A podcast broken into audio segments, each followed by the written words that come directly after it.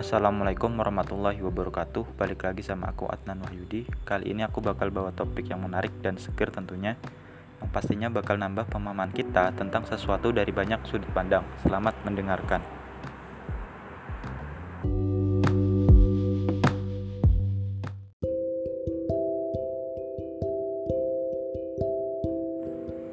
Kali ini aku bakal baca salah satu tulisan di IDN Times.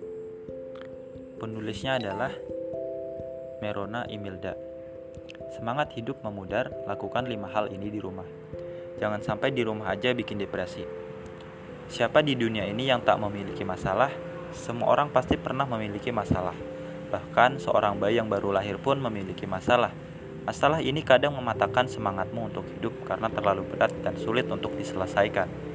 Namun perlu hati-hati, terlalu lama memendam masalah dapat mengakibatkan depresi loh. Berikut cara sederhana untuk mengembalikan semangat hidupmu. Yang pertama, menghabiskan waktu dengan teman dekat. Luangkan waktu paling tidak satu jam dalam seminggu untuk menghabiskan waktu bersama teman dekatmu. Dengan kegiatan ini, kamu akan merasa lebih nyaman dan mau menceritakan masalahmu kepada teman.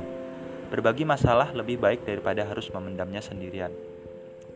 Menurut penelitian di Inggris, 56 dari 86 wanita depresi merasa dirinya lebih baik setelah bertemu dengan teman dekatnya daripada mengisolasi dirinya sendiri. Dari penelitian ini dapat ditarik kesimpulan, melakukan kontak sosial secara teratur dapat meningkatkan kepercayaan diri dan memunculkan energi positif yang dapat menimbulkan perubahan baik buatmu. Yang kedua adalah makan seafood. Sebuah institusi di Belanda pernah melakukan penelitian tentang seafood yang mengungkapkan bahwa orang yang mengonsumsi makanan laut kaya akan omega 3 memiliki kemungkinan kecil menderita depresi. Contohnya adalah ikan salmon dan makarel. Asam lemak yang terdapat pada salmon dan makarel terbukti mencerdaskan otak dan membantu mengontrol dirimu. Yang ketiga adalah minum teh atau kopi.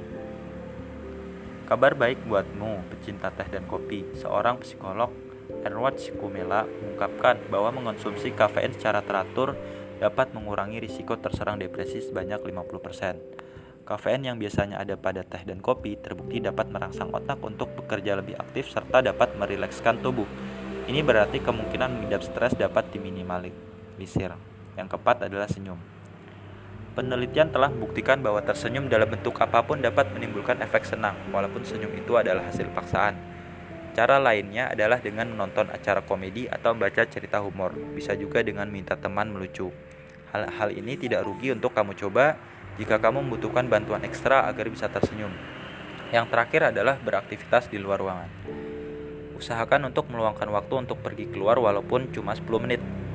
Melakukan aktivitas di luar ruangan dapat membantu tubuh melepaskan hormon dan zat kimia yang menjadi penyebab moodmu terdorong. Akan lebih baik lagi jika kamu melakukan aktivitas menyatu dengan alam, misal dengan mendaki gunung, berenang, atau sekadar bersepeda. Itulah beberapa upaya yang bisa kamu lakukan untuk meningkatkan semangat hidupmu. Hal-hal tadi dapat membantumu menghindari risiko mengidap depresi. Jangan pernah memendam masalahmu sendiri, ceritakanlah kepada orang terdekatmu atau lebih baik lagi bercerita dengan Tuhan.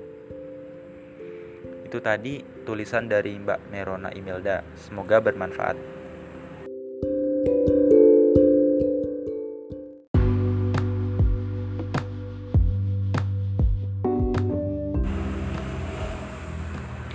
Mungkin kali ini aku cukupkan, semoga bermanfaat. Ada kurangnya dari aku semata, ada lebihnya itu dari Tuhan. Sampai jumpa di lain waktu.